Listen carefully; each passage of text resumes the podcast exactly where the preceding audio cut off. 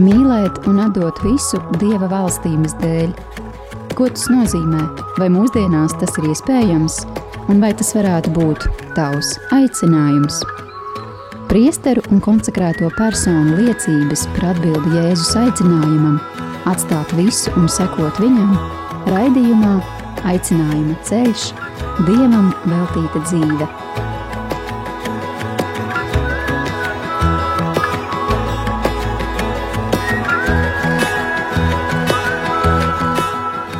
Slavēts Jēzus Kristus! Ēterā skan raidījums, aicinājuma ceļš, Dievam veltīta dzīve, un studijā esam mēs, māsas kalpones, māsa Ginta un māsa Anna.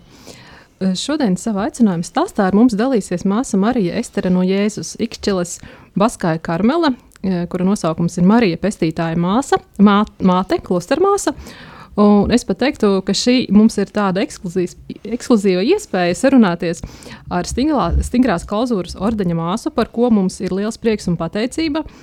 Un tā mums ir savā ziņā arī kāda kā Kristus dzimšanas svētku dāvana šī iespēja. Paldies! Iesākumā iepazīstināsim jūs klausītāji nedaudz ar māsas vizītkarti.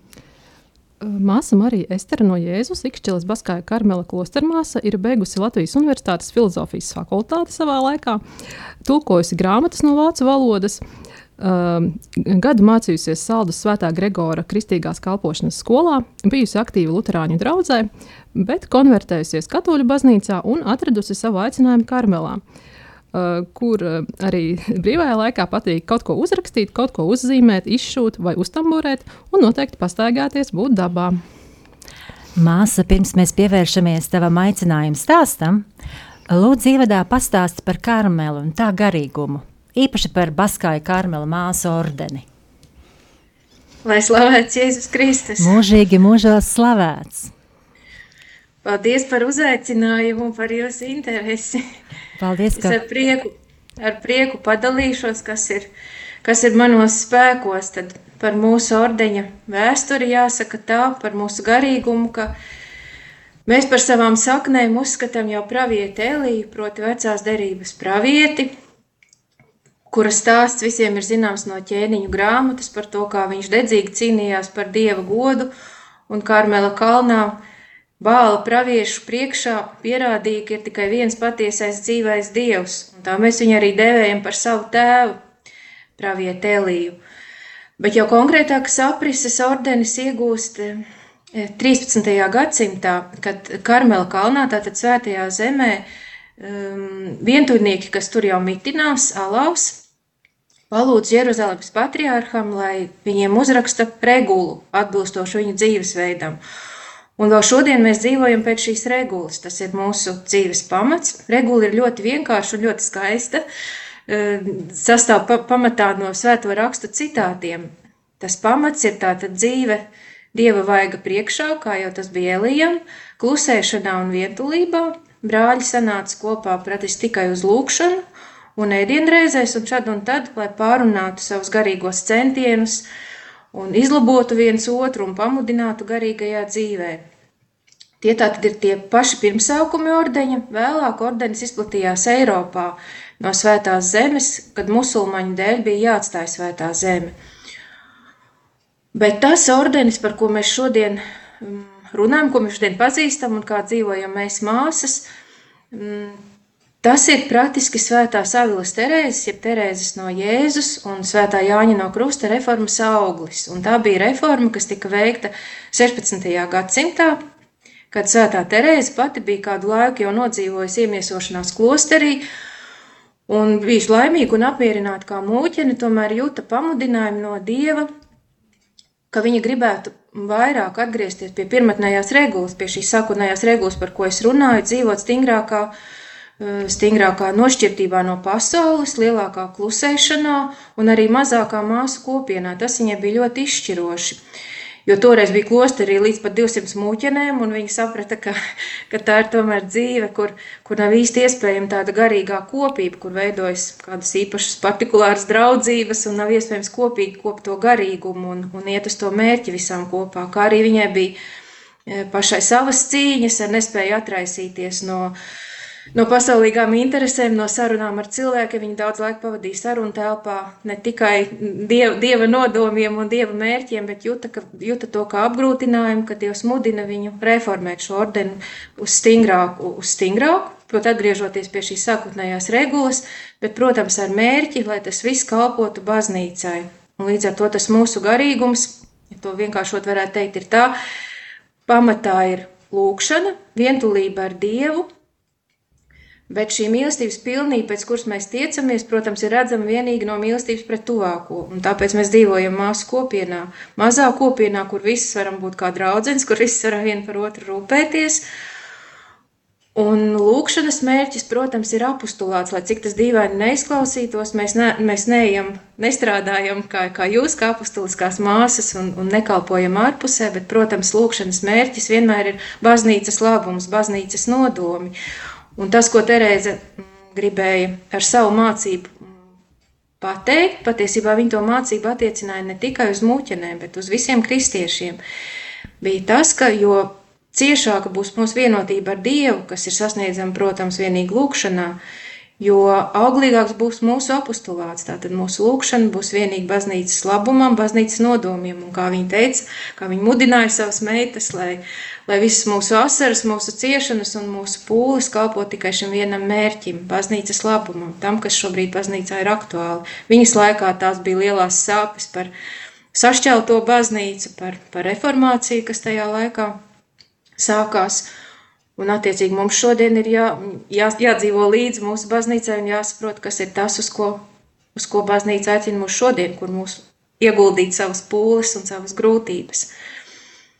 Tas būtu tā apmēram par, par mūsu garīgumu. Un, uh, jūs, kas ir tas, ko jūs šobrīd redzat kā tādu uh, aktuālāko lietu, ko būtu jālūdz par mūsu baznīcu? Par, uh, nu, tā kā jau minēji, ka, tika, nu, ka Terēzē, kar, nu, Terēzē bija tāda, tāda tā kā vienotība, baznīcas tā sašķeltība. Tā, kas ir tas, ko tu redzi kā tādu uzdevumu, par ko jums ir jālūdz? Nu, es domāju, ka šeit laikam ir jārunā arī Katrai māsai noteikti ir viņas personīgais, tas, tas viņas atklātais aicinājums, un te nu man jāsaka, es atkal nebūšu pārāk oriģināli, jo mani Dievs tiešām ļoti mudināja uz šo lūkšanu par vienotību, tā kā es pati esmu konvertīta un biju kādreiz luterāna un esmu atgriezta pie Dieva. Tad um, manas ilgas bija ļoti lielas, jau stājoties karmelā. Es diezgan apzināti teicu, ka, ka, ka es savus pūles gribu veltīt lūkšanai par vienotību, bet par vienotību visplašākā nozīmē. Par vienotību katoliskā baznīcā, par vienotību starp kristiešiem, par vienotību starp reliģijām, starp cilvēkiem. Mm, bet es domāju, ka šodien jau mums ir laikam gandrīz vai jārunā par, mm, ka pamat, eh, pamat lūkšana vai pamat ilgas ir, lai cilvēki mm, vispār baznīcā spētu ieraudzīt un atpazīt Dievu, jo es domāju, mūsu pasaule jau ir tik tāla no, no Dieva, no Dieva pieredzes, no attiecībām ar Dievu, ka tās ir pirmās pūles, ka mums ir jācenšas parādīt cilvēkiem to Dievu, ko mēs paši esam iepazinuši, žēlsirdīgo, mīlestības pilno Dievu, atklāt Dieva vaigu cilvēkiem. To es redzu kā tādu pirmo Var, arī pajautāt tev par tavu skaisto vārdu. Tu esi māsa Marija Estere un vēl arī no Jēzus. Ja kāda nozīme ir šim pielikumam, kā to iegūst, pastāst lūdzu tuvāk tieši par savu klosteru vārdu.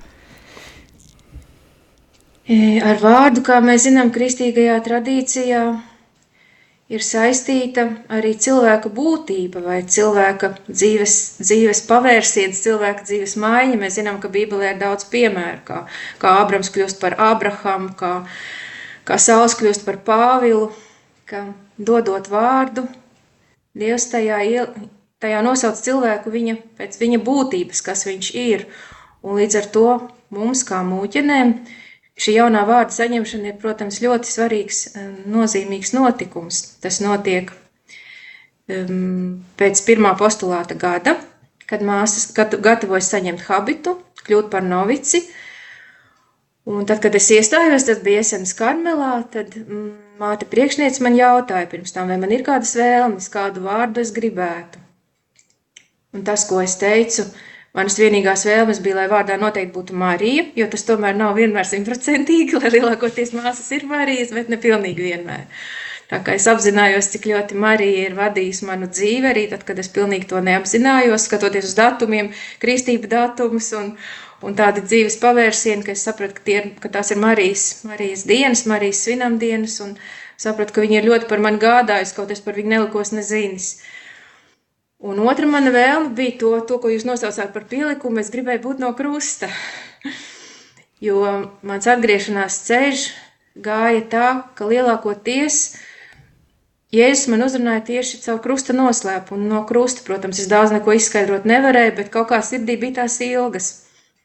Un es izteicu šīs vēlmes, un māte priekšnieks toreiz paskatījās uz mani un teica, Nē, cilvēkam, kurš, kurš kaut mazliet nopietni ņem savu vārdu un aicinājumu, es nekad nedošu predikātu no krusta.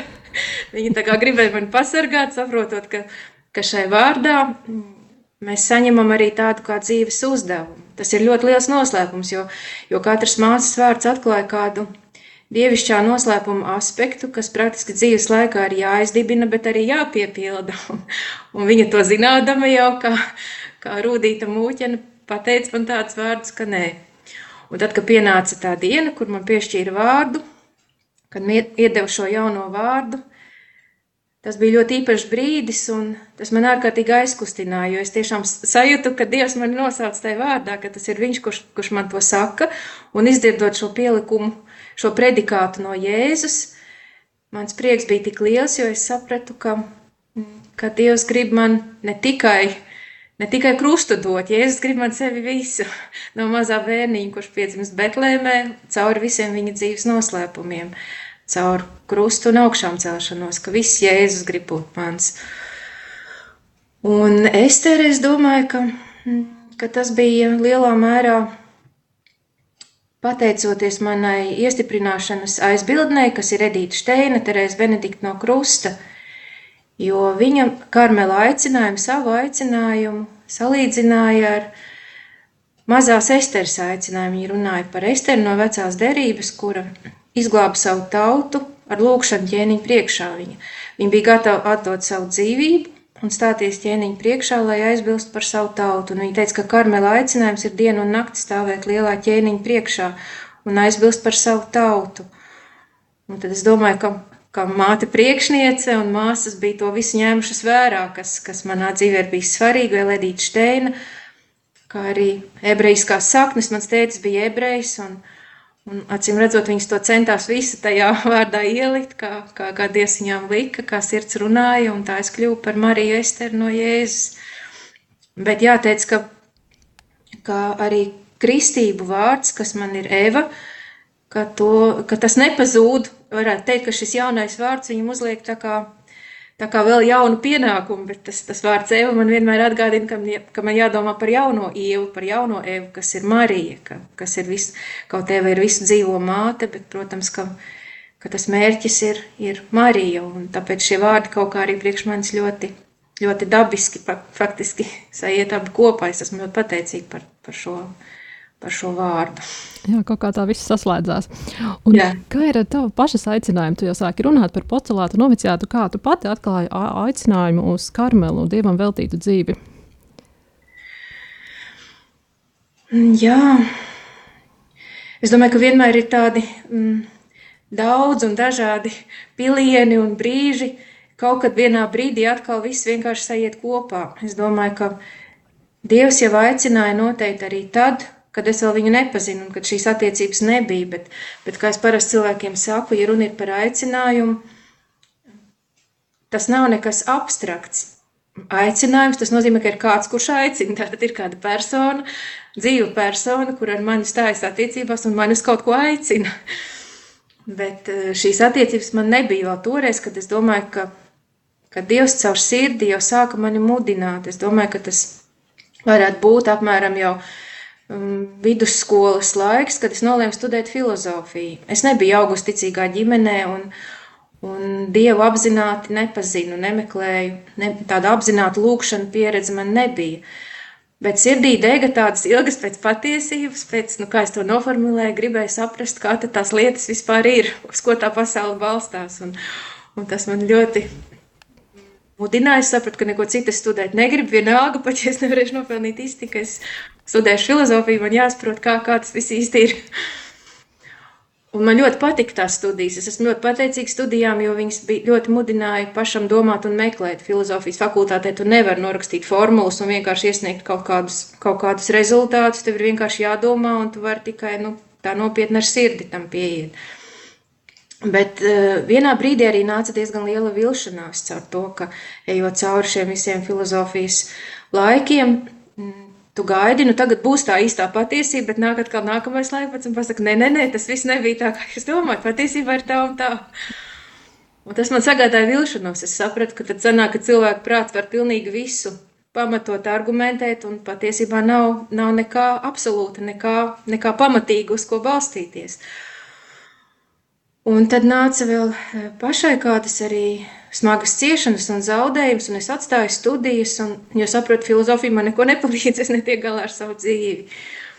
Un tā soli pa solim e, nonācu pie atziņas, ka bez Jēzus nevar. Es atceros, tie bija vairāk cilvēku, ar kuriem kopā arī no fakultātes mēs šad un tad tikāmies, un pa dažādiem ceļiem bijām to sapratuši. Dažādi cilvēki uzrunāja, aicināja. Zinu, ka uz ielas ļoti bieži nāca cilvēki runāt par jēzu, bet man tas ļoti nepatika. Un īpaši nāca ar ģitāru un dziedāju un kaut ko teica. Es vienmēr biju ļoti atturīga un teicu, nepatīk man tas un neklausīšos. Bet vēlāk es sapratu, ka, ka es nekad nezinu, kuri bija tie izšķirošie pilieni, kas pilināja, pilināja, pilināja. Un vēlāk jau bija konkrētāk, vēlāk jau man aizved uz efatu, draudzeni, kas arī bija meklējumos. Un, Un tad, kad es jau to biju sapratusi, ka bez jēzus patiešām es patiesību neatradīšu, tad es jau apzināti aizgāju atpakaļ uz Lutāņu draugu teicu, jā, ka es, ka es gribu palikt, palikt baznīcā, un, un man iesaistīja aktīvi kalpošanā. Un, bet vienmēr manā sirdī palika ilgas, vienmēr bija par maz. Kā tas jau ļoti aktīvi darbojos un visu darīju, un pēc Gregors skolas jau, jau iesaistījos ļoti, ļoti nopietni arī Liepājā draudzē. Un tomēr tomēr sapratu, ka īsti man nav miera. Un tad bija kāds izšķirošais notikums. Es domāju, tas bija tas pēdējais un vissvarīgākais piliens. Liepājā ieradās mazās Terēzītes relikvijas šķirsts. Sākās ceļojums pa Latviju, un tieši caur Liepāju sākās tas ceļojums, un es biju vēl luterāna. Un, un nezinu, kāpēc man tik ļoti pievilka, tik ļoti tā interese bija liela kā izdzirdot zvanus katoļu baznīcā, es aizskrēju, kaut bija nogurusi pēc mūsu dievkalpojuma un teicu, nē, nē, es nekur neiešu, bet es aizskrēju tomēr. Un tā bija pirmā tikšanās man pašai, nesaprotot īsti ar ko. un tad es satiku tur, tur draudzeni, kas man nākamā dienā atnes kāds dvēseles stāstu, un, un mēs abas brīnījāmies, ka mēs tur satiekamies abas luterānus un vien par otru nezinām, ka mīlam Terezīti. Un īstenībā es arī viņai neko nevarēju pateikt, es viņu mīlu.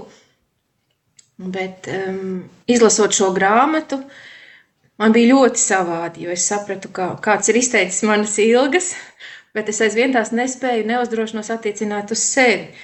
Un tad pamazām draugi sāka tā jautāt, nu, kā tad tu ies uz to savu klosteri, un, un tāda, tāda dīvaini, tādas dīvainas piezīmes no draugiem nāca, un, un apmēram gadu pēc šī Terēzītes relikviju šķirsta jau bija konkrētāk, tad bija kādas rekolekcijas klusuma kopā ar Lutāņu mācītājiem. Es vēl aizvien biju Lutāna. Jā, bet tev jau jautāja, vai tu iesi, kad stāsies klosterī? Jā, jā, jā tas bija arī ļoti paradoxāli. Jā. Un, un šajās rekolekcijās tas bija klusuma rekolekcijas. Un tās bija nopietnas meditācijas par rakstu vietām, un man tas bija kaut kas pilnīgi jauns, jo es kā Lutāna biju pieradusi lasīt Bībeli vairāk ar prātu un mēģināt saprast un studēt. Bet te pēkšņi mums mācīja, kā tas ir, ka tev jāiejūtas tajās rakstu vietās, ka tev jāmēģina mm, sadzirdēt, kas tu esi šajā rakstu vietā un ko Dievs tev saka. Un man atvērās pilnīgi cita bībeles, bībeles lasīšana. Un kad jau pienāca pēdējā, pēdējā meditācija, es biju tik ļoti pateicīga par visu, ko esmu saņēmusi.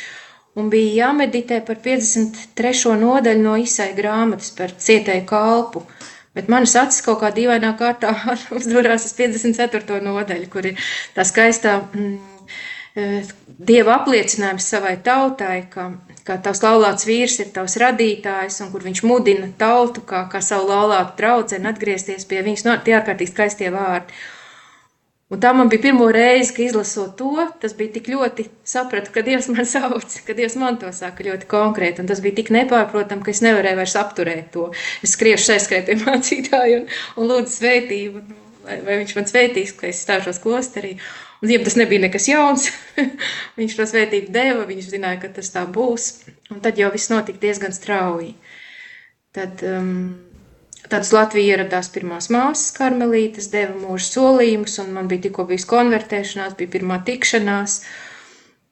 Un tagad, lai neizplūst cīkumos, tur tiešām bija tā, ka praktiski Dievs pavēra visas durvis, un man nebija arī tajā laikā nekādu šaubu. Vienkārši Dievs to ceļu bija tik ļoti gatavojis. Un, un es zināju arī vācu valodu, man nebija nekāda šķēršļa, lai aizbrauktu iestātos klosterī, kurš dibināja mūsu Latvijas ikšķilas karmelu. Tad tas ceļš vienkārši aizgāja tiešām kā jūtu, kā Dievs man nes uz rokām. Tad apjāsam par tavu aicinājumu bija tad, kad tu vēl biji luterāni, un tālāk arī Dievs turpināja vadīt arī tajos ticības noslēpumos un ticības ceļā. Arī katoļu baznīcā. Skaisti. Paldies. Man ir jautājums vēl, tomēr, nu, klosteris, tas ir diezgan radikāla izvēle. Um, un tavā dzīvē ir bijušas uh, no šī konvertācija, no Lutāņu katoļu baznīca, arī lēmums iestāties klosterī. Uh, kā uz tavu izvēli reaģēja draugi, nu, ģimene? Tev, viņi, es sapratu, ka no, draugi jau tu tā minēji, ka viņi jau tā kā nojauta, nu, kad tu stāsies, jā? to tas bija redzams no malas. Bet, nu, varbūt kā tas ir, jo cilvēkiem, kas meklē sev aicinājumu, dažkārt varbūt pietrūks drosmes, nu, Es nezinu, ko tur teiks citi par šo manu izvēli, šī apkārtējā cilvēka reakcija. Kā bija tavā gadījumā? Ko teica draugi ģimene? Es domāju, draugi bija kristīgie draugi. Es domāju, lielākoties tiešām jau bija pirms manis atpazinuši šo aicinājumu, kā es teicu, un, un viņi diezgan atbalstīja, kaut mēs bijām ļoti no dažādām konfesijām, un, un katrs gāja ļoti savu ceļu. Un tas tā arī ir palicis līdz šai dienai. Bet, um, bet no draugiem bija noteikti vairāk atbalsts. Ģimenē, protams, nebija viegli. Ģimenē nebija viegli jau ar manu konvertēšanos, jo māma uzreiz saprata, ka viņa jau man uzreiz jautāja, un tālāk klosteris, un tas viņai, protams, bija sāpīgi, un pie tam tik radikāla izvēle, ka, ka, ka nav iespējas aizbraukt uz mājām. Bet es to tagad vairāk redzu, ka tas ir bijis tāds ceļš, laikam, mums abām, jo, jo es domāju, māma ir ļoti daudz cīnījusies ar to, ka es aizgāju, bet, bet es redzu, ka Dievs ir ļoti daudz izdarījis. Nu, gan viņas ticības ceļā, gan mūsu attiecībās, un ka tas kļūs arī mammai par ceļu. Un, lai arī viņa aizvien ir luterāna, viņa ļoti arī seko līdzi katoliskās baznīcas notikumiem un, un, un arī nepretojas. Tā viņa ir pieņēmusi šobrīd manu ceļu pilnīgi redzot, ka es tajā esmu guvusi piepildījumu, un es domāju, viņi arī savas ciešanas atdod, atdod Dievam un to, un to pieņem. Ar citiem ģimenes locekļiem, nu jāsaka drīzāk, ka viņi ir par visiem arī nevar teikt, ka ir samierinājušies, jo, piemēram, attiecības ar krustmeitu ir, ir pazudušas, viņa, viņa nebrauc uz klosteru, un mēs neesam tikušās. Viņa nodibinājusi savu ģimeni, bet meitiņas neesmu redzējusi, un kaut mums bija ļoti tuvas attiecības, tā kā jāsaka, ka, ka tas var arī kaut ko maksāt. Jā, ļoti bieži vecāki, redzot, ka viņa bērns ir aicinājumā laimīgs un iegūst piepildījumu, tad arī to tā kā vieglāk arī pieņem. Protams, tas arī ir krusts un ceļš un izaugsme arī vecākiem, jebkuram tuvam cilvēkam. Paldies! Noteikti, jā. Bet tagad, lai izskan māsas Esteres izvēlētā dziesma par mūsu liturģiskajam laikam atbilstošu nosaukumu Lūkšanas Ziemassvētku vakarā.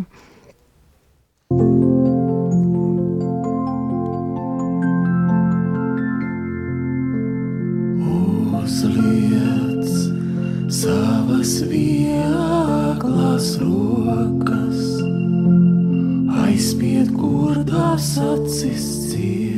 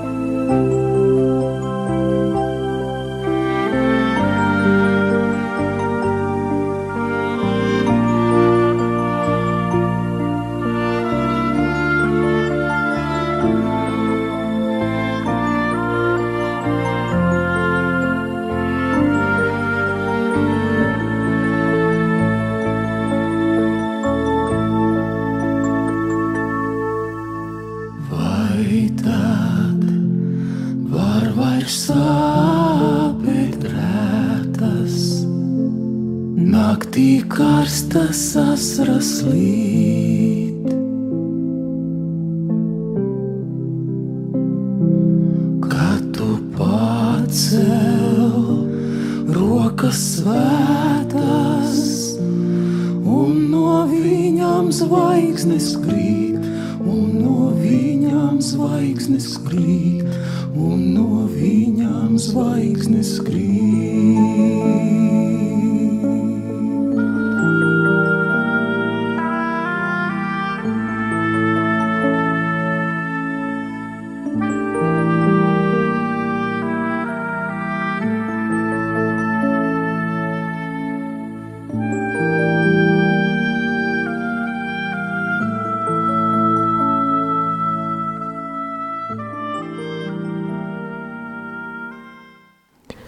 Eterā raidījums aicinājuma ceļš dievam veltīta dzīve, un šis raidījums izskan pateicoties arī jūsu klausītāju ziedojumiem. Māsa Marija Estera, jautājums tev nākamais. Uh, varbūt ir kāds iemesls, kāpēc šī dziesma tieši tika izvēlēta, varbūt vēl kāds cits, ne tikai šis liturģiskais laiks, un vispār tā plašāk varbūt var pastāstīt, vai arī mūzika ir kāda nozīme jūsu kopienas dzīvē, vai varat klausīties mūziku, pašas varbūt to radāt vai kaut kā. Jā, gan klausamies, gan radām. Dziesma man ir mīļa jau no jaunības gadiem. Es domāju, arī, kad man vēl nebija īsti apzināta ticība, bet, bet eh, šī dziesma man bija ļoti mīļa. Un šodien, kad es vairāk iedzinos tajā tekstā un saprotu, cik skaisti ir tie vārdi, nu, atklāja patiesībā mūsu iemiesotā dieva būtību. Es domāju, tas saskan ar to, ko es teicu, kas man šķiet ir svarīgi pasaulē atklāt to dievu, kāds viņš tiešām ir, ka viņam nav vienalga, ka viņš nav tālais, augstais, visvarenais, kas viņš, protams, arī ir, bet tieši šīs iemiesošanās noslēpums, kas atklāja to, ka Dievs ir savienojies ar katru cilvēku likteni, viņam sāp katra cilvēka dzīve, viņš izdzīvo un jūt visu, pilnīgi personīgi kā savu, un man liekas, tas ir tik cilvēkiem tā doma ir tik diezgan, diezgan tālu un neticama, ka, ka tā varētu būt, ka, ka Dievs caur cilvēku tapšanu ir kļuvis vienots ar katru cilvēku, ar katru cilvēku likteni, ka nav neviens, kas viņam būtu vienaldzīgs, lai kādā reliģijā viņš piederētu, lai, lai kādu dzīves ceļu viņš iet, tad Dievam nav neviena vienaldzīgā, viņš visiem cieš līdzi. Man liekas, ka tā doma ir, nu jā, tā doma ir diezgan patiesībā diezgan, diezgan pārsteidzoša, un šodien es vairāk šīs dziesmas tekstu tā, nu, tā, tā redzu un tā saprotu. Mūzikai, protams, ir nozīme karmelā, un to mēs gan vairāk klausamies svētkos, Jo ēdot refektorijā, parasti mums ir svēto, ne svēto rakstu, bet kaut, kād, kaut kādas grāmatas lasījumi. Bet svētkos mēs klausāmies mūziku. Un tagad ir svētku dienas, tad, protams, izvēle diezgan plaša. Varam klausīties to, kas mums ir. Bet arī pašas muzicējumu. Jā, māsas, gan arī katra māsa spēlē kādu instrumentu. Un, Tas gan prasa arī mazliet laiku, mēģināt kopā, kādu laiku jau tas nav bijis, bet, bet mēs pat esam šādi un tādi kādreiz misē spēlējušas kopīgi un, un dziedājušas. Tas ir arī kaut kas, kas vieno kopienu, un, un mūzikai noteikti ir nozīme, jo mēs dzīvojam klusumā, un tad es domāju, tā klausīšanās vispār kļūst citāda. Tu uztver katru niansi jau pavisam citādi, un arī mūziku vairs nevar klausīties vienkārši kaut ko tikai kā fonu, bet noteikti ir svarīgi, ko tu klausies. Atvaino manu ziņkārību. Es gribēju pajautāt, tu minēji, ka gandrīz katra no māsām nu, spēlē kādu mūzikas instrumentu. Vai uh, iespēja apgūt mūzikas instrumentu ir formācijas laikā, vai tā ir tāda sagadīšanās, ka jūs Dievs aicinājāt tādas muzikālas un apguvāt mūzikas instrumentu pirms vēl klosterā, klostera iestāšanās? Man šķiet, tas ir diezgan dažādi. Zinu, ka ir māsas, kuras ilgāk varēja uzturēties Esenes klosterī, mācas klosterī Vācijā. Tur viņām bija iespēja apgūt flautas spēli, jo gandrīz vai visas māsas spēlē flautu. Bija tāds gandrīz kā orķestris. Man tas pagāja secen. Man ir mazliet ģitāra kādreiz mazliet spēlēju. Un, Un tad klosterī tagad ukulēli mazliet niekojos, un ir viena māsa, kas labi spēlē ģitāru. Tā kā ir dažādi, ir kas apguva klosterī, un ir kas jau atnāca ar ar, ar savām spējām. Klosters arī šādu iespēju dažkārt piedāvā. Paldies! Jā, jā tas gan. Jā. Saki, vai varētu tu arī padalīties ar mums, ar klausītājiem, kāda ir jūsu klostera dienas kārtība? E, ceļamies mēs pulksten piecos, svētdienās pus sešos, tad seko lūkšanas, apmēram stundu klusā lūkšana, tad ir svētā mise, pēc svētās mises ir mm, mazā stundiņa tērca, Tad ir brokastis, darba laiks līdz 11.15. Tad ir nākamā mazā stundiņa seksta. Mēs satiekamies septiņas reizes uz stundu liturģiju. E, tad ir pusdienas, māsu rekreācija, kopā sanākšana, kad māsas sarunājās. Laiks, kad var strādāt kaut kāds mazs darbiņš un māsas savā starpā var runāties. Tad ir mazā atpūta, garīgā lasīšana, Un e, atkal darba laiks līdz puspieciem. Un puspiecos vakarā ir vesperes. Pēc tam atkal klusā lūkšana. Vakariņas, māsas satiekās uz rekreāciju, un tad ir noslēgums kompletorijas un matutīns. Apmēram tā diena sākas piecos, beidzas mm, plus mīnus ap deviņiem, desmitiem tā apmēram, tad ir laiks cēlē māsai jau. Bet visu laiku mijās darbs ar, darbs ar lūkšanu praktiski. Un divreiz dienā māsas satiekās rekreācijā. Strādājam mēs klusumā. Protams, ir iespēja jautāt, ir iespēja runāt to, kas attiecas uz darbu, bet mēs cenšamies šo klusumu nosargāt, lai, lai būtu tas laiks lūkšanai ar Dievu. Un tā kā darbs arī tādā ziņā tiek tā kā lūkšanā izdzīvots, ja to var tā teikt. Jā, jā tas, ir, tas ir vēlams. Jā. Protams, nevienmēr tas izdodas, bet tas ir tas, ir tas mērķis, uz ko mēs, uz ko mēs tiecamies. Jā. Saki, vai šādā dzīves ritmā ir arī vieta kādiem vaļaspriekiem? Nu, kā mūzika tu jau minēji?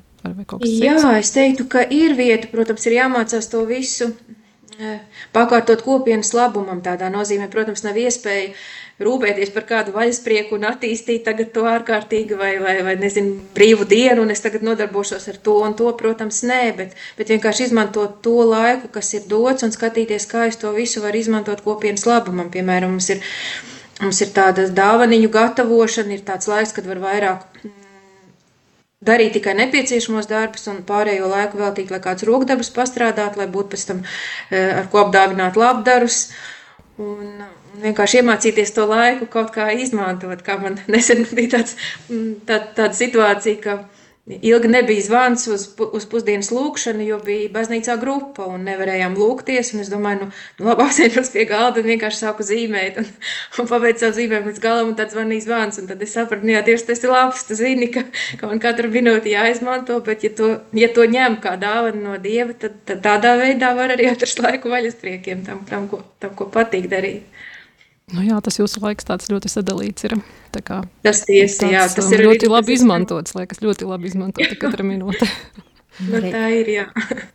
Un arī šķietam, man liekas, nu, klausošs klosteris, bet uh, tomēr šī dzīve ir ļoti tāda, nu, aktīva izklausās gan lūkšanā, gan darbā, katra minūte dārga.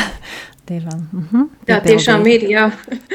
Tā parasti, parast, laikam, no malas skatoties, protams, no tā, tās ir asociācijas ar kontemplatīvo dzīvi, ka ir, ka ir miers, ka ir klusums. un tas viss, protams, ārēji ir, bet, bet skaidrs, ka iekšēji tā ir liela aktivitāte, un, un ka tai ir jābūt aktivitātei, ka tā nav, tā, tā, tā, ir, tā ir jābūt milzīgai modrībai, nevis, nevis gulēšanai. Tādā nozīmē iekšēji ir jābūt ļoti modram, gan, gan Dievu priekšā, gan arī, protams, pildot savus pienākumus, jā. Noteikti arī šī dzīves regula izveidojusies daudz gadsimtu gadumā, garumā, um, arī klostera dzīves šie pamatprincipi un arī tieši jūsu garīgums. Um, bet, ja mēs pievēršamies tieši uh, par vien, vienam aspektam, kas ir uh, labprātīga dzīve celibātā, jo aicinājums ietver arī šo, um, tas daudziem šķiet lielākajai daļai, nu, nerunāsim arī par, par ticīgiem vai neticīgiem cilvēkiem, šī uh, dzīve celibātā šķiet. Uh, nu, nesaprotama. Ja? Pat arī atvērti klosteros, kur mēs kā, ejam uz darbu un tiekamies ar cilvēkiem, tas jau kā, liekas grūti izdzīvot uh, dažiem no malas. Kā, uh, lai izprotu dzīvi stingrā klausūrā, vai, piemēram, uh, netrūks ikdienišķi kontakti ar cilvēkiem ārpus kopienas, vai var kaut kā, nu, Piemēram, uh, citas iespējas ir, piemēram, doties uz veikalu, trūks varbūt šī, šī aspekta vai kaut kas tāds triviāls. Nu, Jā, tāda atteikšanās no celibāta dzīves, protams, arī no, arī no kontakta cilvēkiem. Kā tas tiek izdzīvots? Kā, kā, tev, kā, kā tev tas ir? Vai nepietrūkst kaut kādas tādas lietas? Es domāju, teikt, ka nepietrūkst, nebūtu godīgi. Protams, ka ir brīži, kad pietrūkst. Un, bet arī šeit jāsaka, ka ja es pēdējā laikā man, man rāda nemitīgi, ka viņš ir gatavs pilnīgi visu dot. Ko vien, ko vien man vajag, bet, protams, ir tādi brīži. Es atceros, bija viena situācija, kur es biju diezgan tādā, jā, krīze varbūt par skaļu teikts, bet bija, bija smagi, un es ļoti ilgojos, ka būtu kāds vienkāršs cilvēks mm, ārpus kopienas, ārpus māsām un pat, pat ārpus tādas, teiksim, reliģiskās vides. Ļoti vajadzētu šodien pārunāt. Un, un, Un tikai tā savā sirdī to izteica, un pēc pāris stundām zvanīja pie durvīm kāds radinieks, kurš ilgi, ilgi nebija bijis, un, un pēkšņi man aicināja sarunu tāpu, kas bija rēti. Un tā man bija atkal tāda atbilde no Dieva, ka viņš tiešām ir gatavs dot visu, jo viņš, viņš nav briesmonis, viņš zina mūsu cilvēciskās vajadzības, un mēs māsas aizvien paliekam vienkārši cilvēki ar visām šīm vajadzībām. Bet kas attiecas uz celibātu, Es domāju, ka ja pirmajā vietā nostādu to, ko es izvēlos, nevis no kā es atsakos, tad viss izmainās. Jo ja es apzināti un brīvi esmu izvēlējies Jēzu par savu līgavaini, par, par savas dzīves kungu un laulāto draugu, tad viņš ir arī vienīgi tas, kurš var man palīdzēt, kad ir šie grūtie brīži un veikt atsacīšanos, kad viņi ir nepieciešami, bet viņa noteikti nav izējas punkts, viņa nav noteikti centrs. Dzīve celibātā nenozīmē atsacīšanos. Dzīve celibātā nozīmē dieva mīlestības pieņemšanu un visu viņa neprāta pieņemšanu un to, ko tas sevi ietver, to, kā, kāda kļūst dzīve, kad dievs kļūst tavs viss, ka, ka viņš ir tavs laulātais draugs, tā kā es to sadzirdēju caur šiem bībeles vārdiem. Es domāju, ka tas ir tas, kas tas pats svarīgākais. Un tad vienkārši mēs mācāmies izmantot tās iespējas, ko baznīca, ko kopiena piedāvā, lai, tik, lai tiktu galā ar situācijām, kurās varbūt ir kādas grūtības, bet šīs grūtības jau ir absolūti visur. Viņas ir laulības dzīvē, viņas ir cilvēkiem, kuri nedzīvo celibātā. Bet es domāju, vienkārši tā, tā izējas pozīcija, man liekas, ir, ir jāmaina, domājot par celibātu, ka tā nav pirmkārt atsacīšanās, bet tā ir pirmkārt, kā teica mazā Terezīte, es izvēlos visu, un izvēloties jēzus, es patiešām izvēlējos visu. Un, bet tas, protams, neizslēdz, ka ir grūti brīži. Iepirkšanās gan man laikam nepietrūkst, jo man jau pasaulē bija diezgan grūti iepirkties. Es nekad nevarēju izvēlēties, ko man vajag pirkt. Un, bet kas man vēl pietrūkst, laikam jāatzīst, ka varbūt tādas kārtīgas izskriešanās, izstaigāšanās, izpeldēšanās, kaut kas tāds man pietrūkst. Mums ir dārsts, mēs varam staigāt, bet tas, protams, ir nu, daudz ierobežotāk nekā, nekā varbūt reizēm tā nepieciešamība būtu. Bet, nu, salīdzinājumā ar to, ko Dievs dāvā, es gribu teikt, ka, ka to var tomēr arī veltīt, veltīt viņam un upurēt viņam. Jā, Jā kas attiecas uz, uz, uz cilvēkiem, tad šai, šai gadījumā es laikam tiešām reizēm lietot arī to vārdu upuris. Man nepatīk, ja par upuri sauc katru vismazāko lietu, ko mēs, ko mēs izdarām tuvākā labā, vai, vai no kā mēs atsakāmies. Ir, man šķiet, ka, ka mātei tad visa dzīve ir viens vienīgs upuris, jo cik daudz māmai ir jāatsakās, lai izaudzinātu savus bērnus. Bet, bet kaut kādās lietās es tomēr šo vārdu lietotu. Tas, ja es nevaru sazināties ar cilvēkiem tā, kā es to varēju agrāk, vai nevar būt ar draugiem, kā varēju agrāk, tas savā ziņā ir upuris. Bet arī to iemācīties un pienes dievam, zinot, ka viņš atkal citā veidā gādās, lai, lai man dotu prieku un visu to, ko, ko, ko man caur šo upuri jādod. Saki, vai ir, tu pieminēji to, ka ir iespēja pie jums arī atnākt, parunāties. Varbūt ir vēl kaut kāda tāda lieta, ko tu vēlētos, lai cilvēki ārpus klostera zinātu, piemēram, ka ir tāda iespēja par, nu, par jūsu attiecībā uz jūsu klosteri, piemēram, ka, var, ka klostera baznīca ir atvērta visiem, ka jums drūkst, drīkst sūtīt aizlūgumus, varbūt vēl kaut kas tāds ir, ka, ko gribētu, lai izdzird arī klausītāji. Laikam es gribētu iedrošināt, domājot par to, ka ka mēs šobrīd īpaši runājam par aicinājumu, iedrošinātai nozīmē, ka pasakīt, ka, ka mēs esam tādi paši vienkārši cilvēki, kā visi citi. Protams, īpašs mūs dara tas, to es saprotu, ka, ka tā, tā kā mēs dzīvojam mazākums pasaulē, un varbūt caur to ir tas, ka, ka cilvēki par mums domā kā Mazliet, jā, nu mēs esam mazliet tā kā virs šīs zemes, kaut kur ļoti pāri šai zemē, kaut kur ļoti augstu, bet tie ir maldi, ka, ka mūsu dzīves aicinājums ir kā jebkurš cits aicinājums. Viens no aicinājumiem, varbūt aicinājums uz laulību, varbūt aicinājums kalpot Dievam, kā kalpojat jūs, apustuliskā dzīvē, ka tas ir viens no aicinājumiem un ka Dievs nebūtu izvēloties mūs šeit, Ikšķils Karmelā, nav izvēlējies kādas īpašas un labākas būtnes.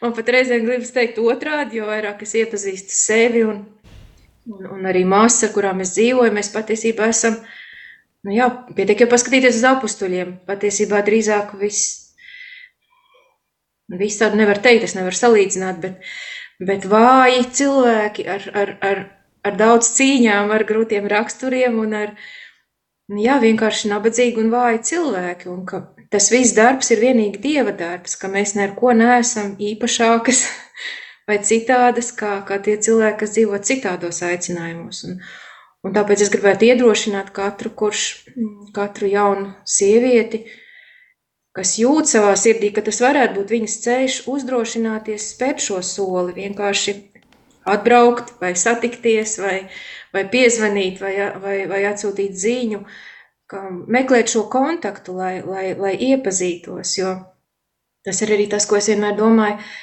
Nevienu uz mūžu neieslēdz klauzūrā nākamā dienā, kad viņš ir saticies ar māsām. Vienmēr ir pietiekami ilgs laiks, lai iepazītu to dzīvi, lai, lai, lai sadzirdētu, ko Dievs man saka. Bet vienkārši nebaidīties no tā, ka tas var izskatīties kaut kas ārkārtīgi īpašs no malas, ka kā, ja iepazīst mūs no, no iekšpuses, mēs esam tādi paši cilvēki ar savām vajadzībām un vājībām, kā visi citi. Tad, ja kādam uh, klausoties arī šo raidījumu, vai arī agrāk ir arī manītas sirdī kādas ilgas tieši pēc tādas dzīves atdotas Dievam arī, nu, klausošs klosterī vai, nu, tā kā, tā kā tu minēji savā aicinājuma ceļā, nu, tad droši šīs uh, ilgas nevajadzētu arī ignorēt, bet arī atbildēt uz tām un spērt soli tālāk un, nu, nākt uz šo kontaktu, zvanīt uh, jums un uh, noskaidrot, kāds ceļš tālāk soli pa solim un izzināt to savu aicinājumu. Saki, varbūt vēl tāds viens no tādiem jau noslēdzošiem jautājumiem būtu tāds, kas ir tas, kas visvairāk sagādā priekus tavā ikdienā, tavā klostra dzīves ikdienā? Es nebūšu laikam īpaši oriģināli. Man jāsaka, ka, ka manas dzīves pamats tas ir lūkšana, ir tas, kas man, vai precīzāk sakot, aizlūkšana par citiem.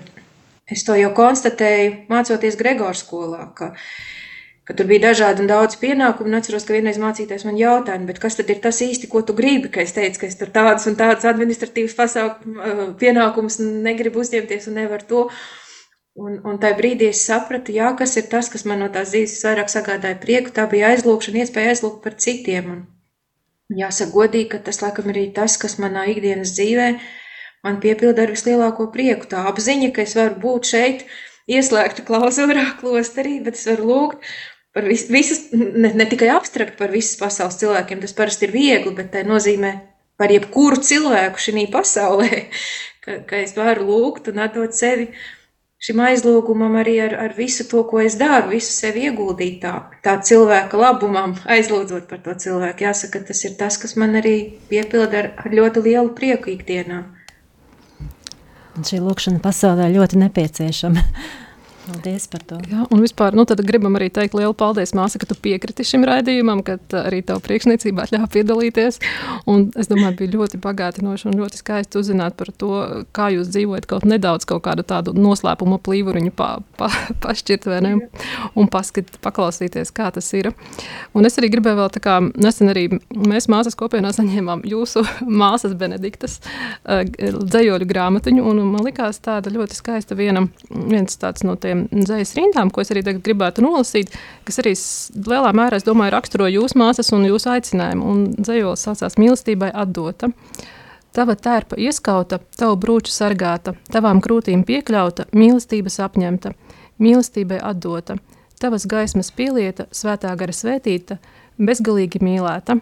Tā kā gribētu novēlēt jums, māsas, arī justies bezgalīgi mīlētām katru dienu, un arī, protams, to pašu mūsu klausītājiem.